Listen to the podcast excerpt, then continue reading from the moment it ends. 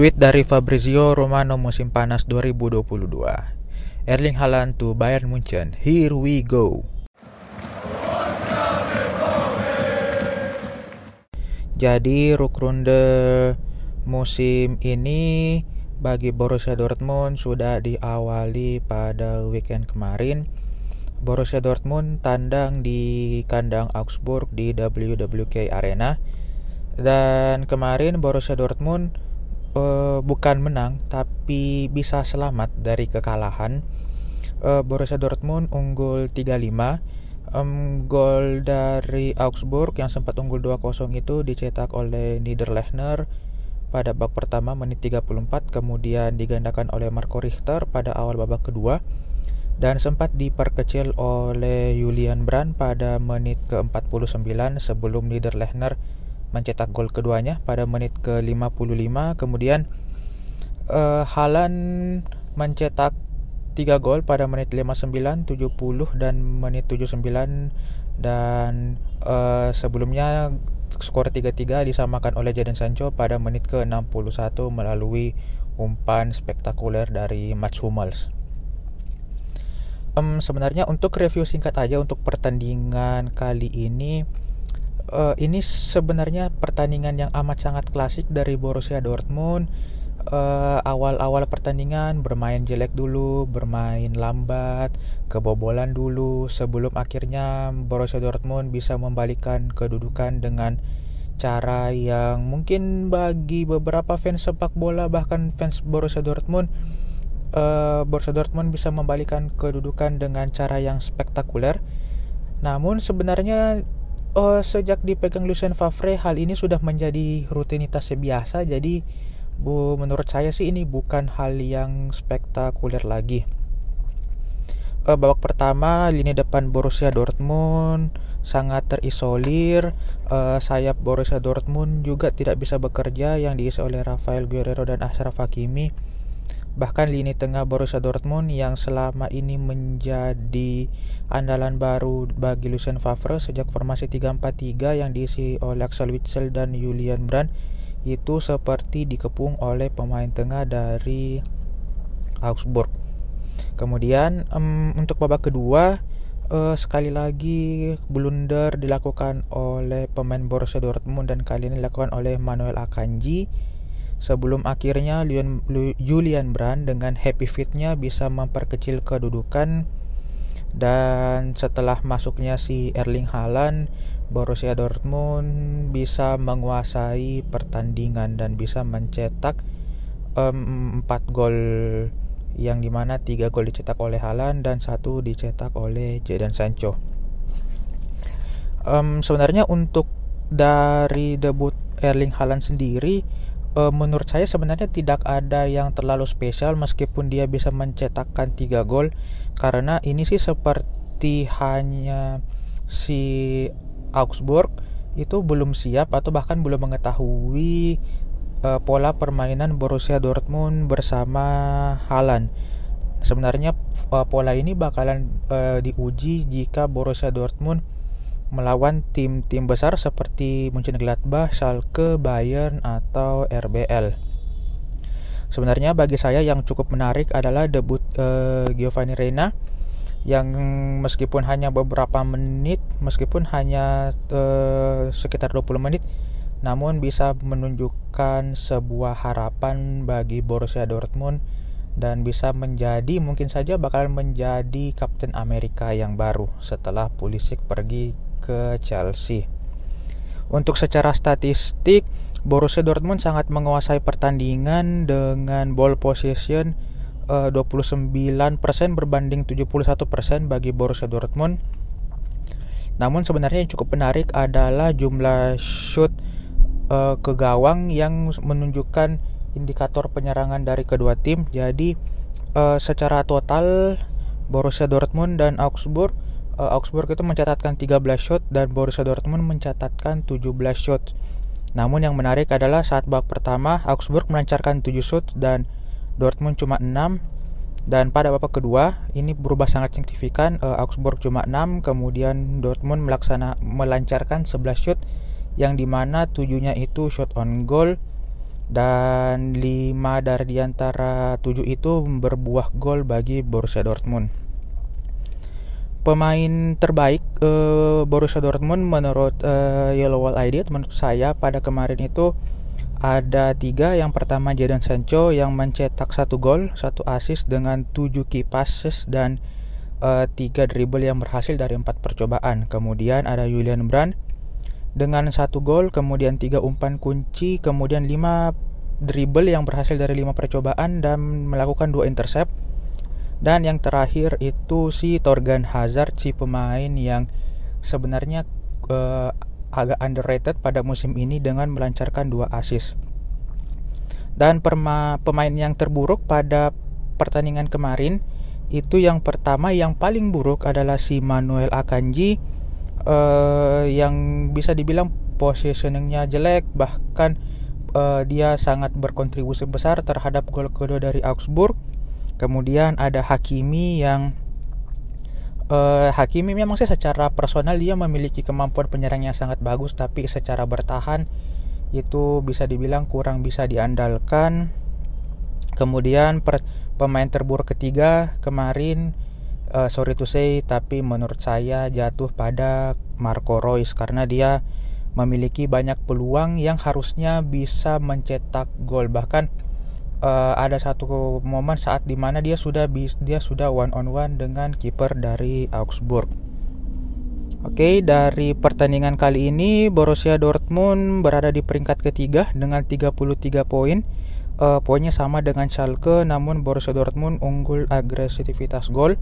Kemudian posisi pertama tetap ada RBL dengan 40 poin. Kemudian peringkat 2 ada Bayern dengan 36 poin dan peringkat ketiga ada Mönchengladbach dengan 36 poin.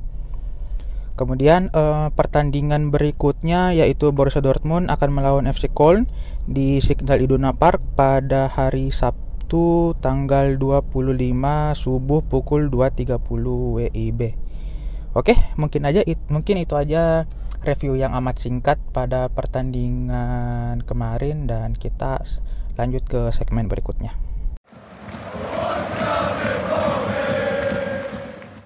Segmen kedua kali ini bakalan review singkat berita transfer Borussia Dortmund yang terbaru dan udah resmi yaitu si Julian Weigel akhirnya resmi pindah ke Benfica dengan sebesar kabarnya sih sebesar 20 juta euro.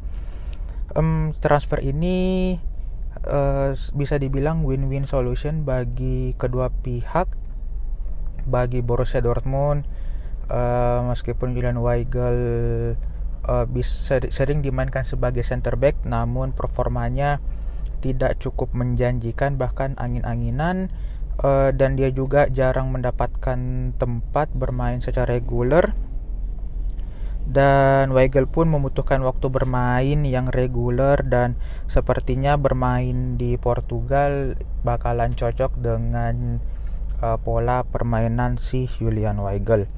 Kemudian um, gosip pemain yang keluar itu ada Paco Alcacer yang sepertinya uh, sudah mendekati pintu keluar dari Borussia Dortmund bahkan uh, sudah beberapa gosip-gosip kalau dia sudah tidak betah lagi bahkan sudah tersingkirkan dari skuad Borussia Dortmund.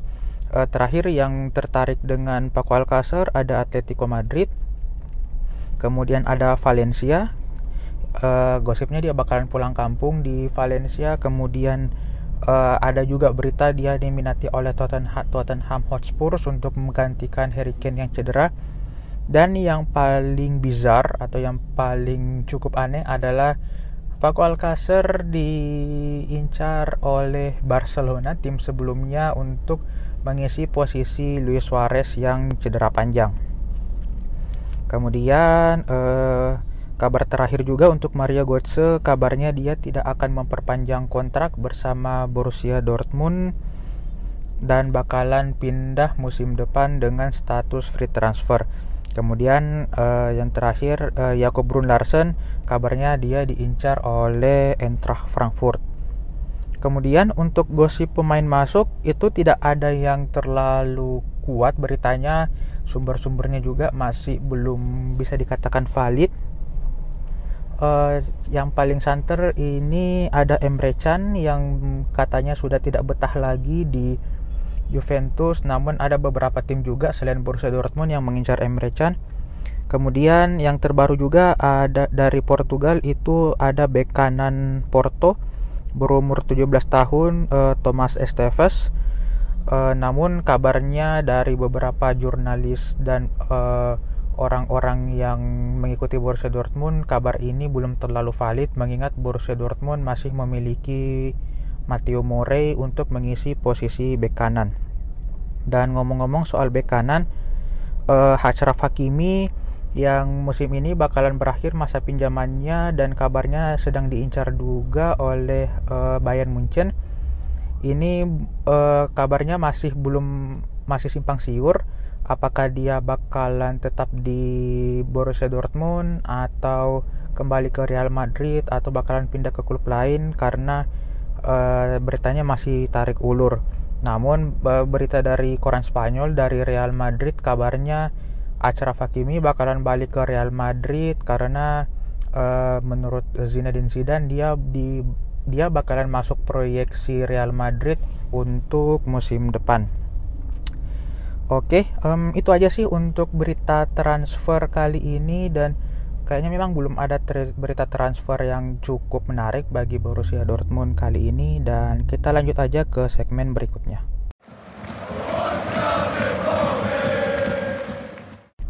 Oke, jadi pada minggu lalu salah satu portal berita yang membahas Borussia Dortmund, uh, fearthewall.com itu melakukan survei uh, kepada fans-fans Borussia Dortmund tentang performa Borussia Dortmund dari awal musim hingga pertengahan musim kemarin. Jadi ada lima poin yang um, ada lima poin yang garis besarnya uh, mereka survei. Yang pertama itu poin pertama ekspektasi Borussia Dortmund terhadap prestasi Borussia Dortmund untuk musim ini. Kemudian pemain terbaik, kemudian pemain terburuk, kemudian performa Lucien Favre dan yang terakhir itu uh, hype fans Borussia Dortmund terhadap pencapaian Borussia Dortmund musim ini. Dan yang terakhir uh, saya bakalan ngasih review dari perspektif uh, Yellow Wall ID. Nah, jadi untuk ekspektasi juara pada awal musim itu 60% dari fans Borussia Dortmund sangat yakin Borussia Dortmund bakalan jadi juara dan uh, eh, 30% sisanya itu menjadi runner up. Namun uh, setelah paruh musim awal setelah Hinrunde ternyata uh, prediksi ini berubah 180 derajat, berubah sangat drastis karena ternyata dari prestasi Borussia Dortmund sampai saat ini fans Borussia Dortmund hanya berekspektasi Borussia Dortmund akan berada di posisi empat besar hingga pada akhir musim ini. Bahkan uh, ada sebagian kecil fans Borussia Dortmund yang berprediksi kalau Borussia Dortmund bakal bermain di Liga Eropa. Kemudian untuk poin kedua yaitu pemain terbaik, uh, mayoritas uh, fans Borussia Dortmund memilih Jadon Sancho sebagai pemain terbaik Borussia Dortmund. Uh, kemudian yang di bawahnya ada Mats Hummels, kemudian ada Roman Burki, Julian Brand, dan porsi kecil untuk Axel Witsel, Torgan Hazard, dan Marco Reus.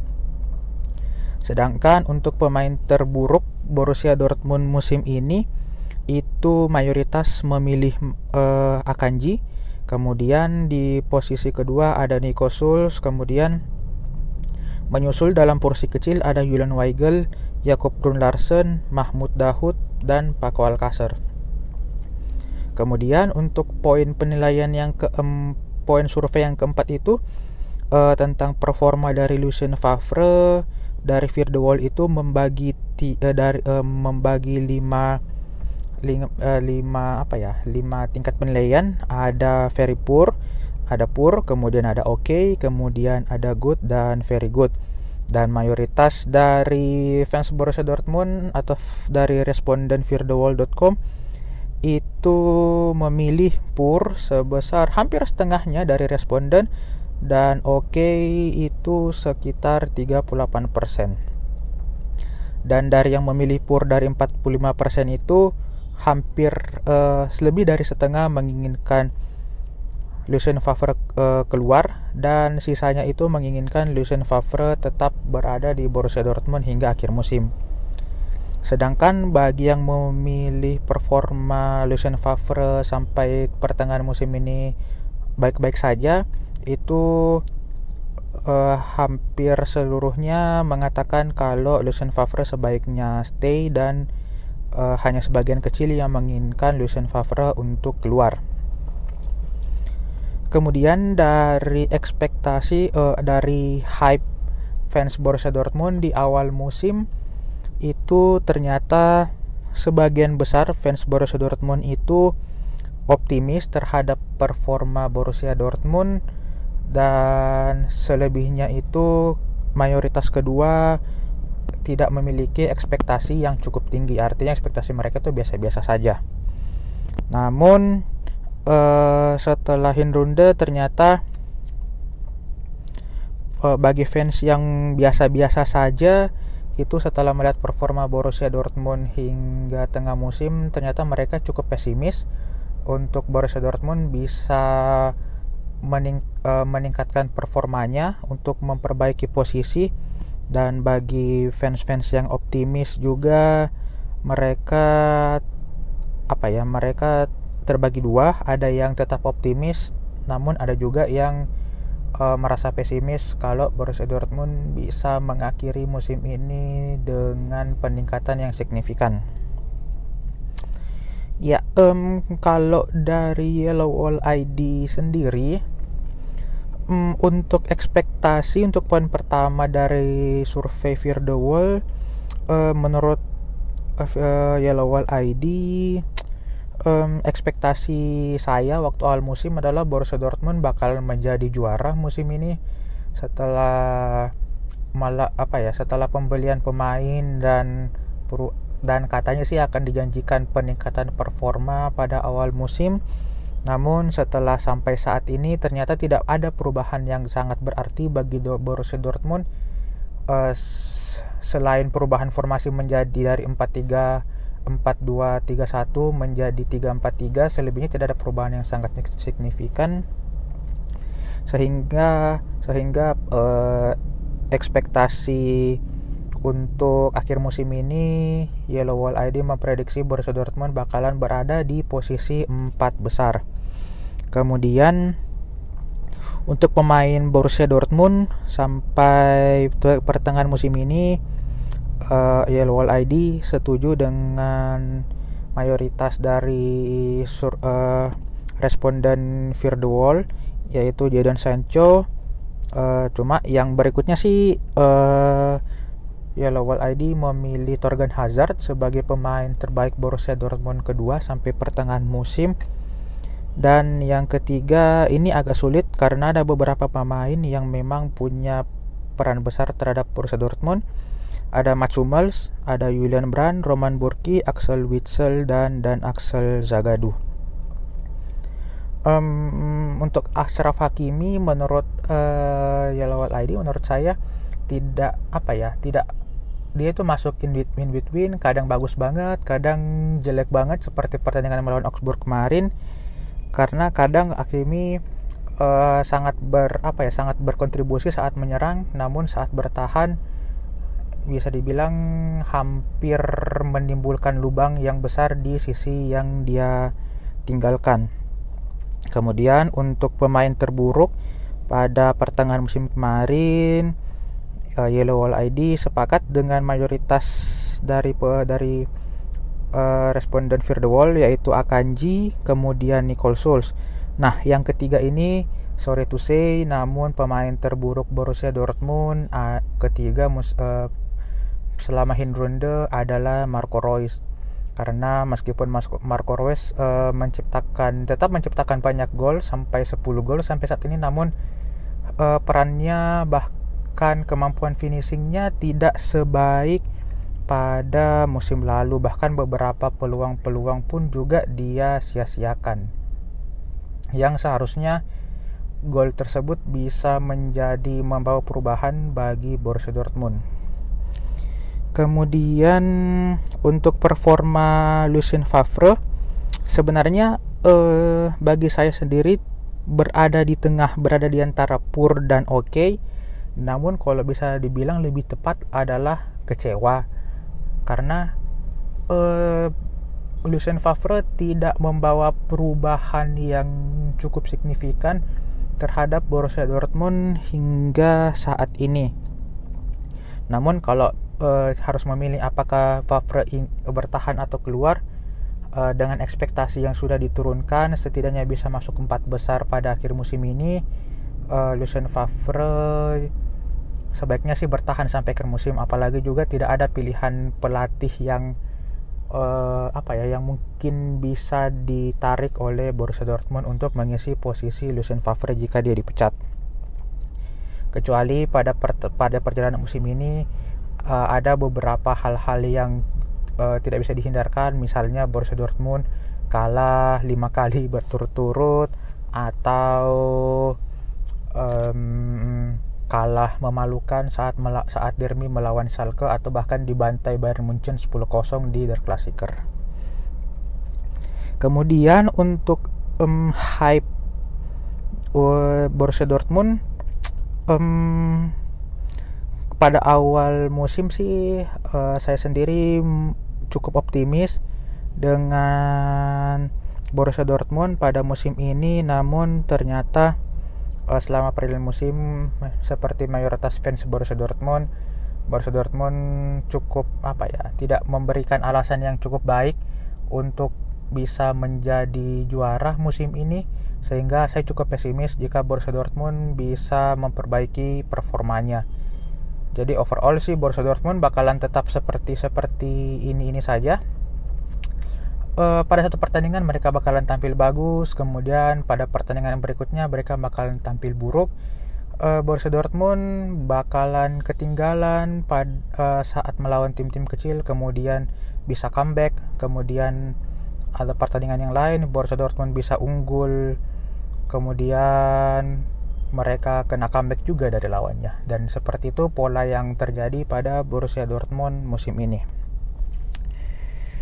Oke, mungkin itu aja uh, untuk episode kali ini. Dan bagi saya saya tidak uh, untuk membahas Erling Haaland bukan sebuah tajuk yang bisa dibahas sampai saat ini. Karena Erling Haaland hanya baru bermain satu babak itu pun sekitar 30-an menit dan ya di luar dari kemampuan finishingnya Erling Haaland belum membuktikan apa-apa untuk menjadi striker Borussia Dortmund. Jadi untuk uh, pembahasan Erling Haaland mungkin bakalan menunggu sampai Borussia Dortmund bertemu dengan lawan-lawan yang sepadan. Oke, mungkin itu aja untuk episode kali ini dan sampai jumpa di episode berikutnya.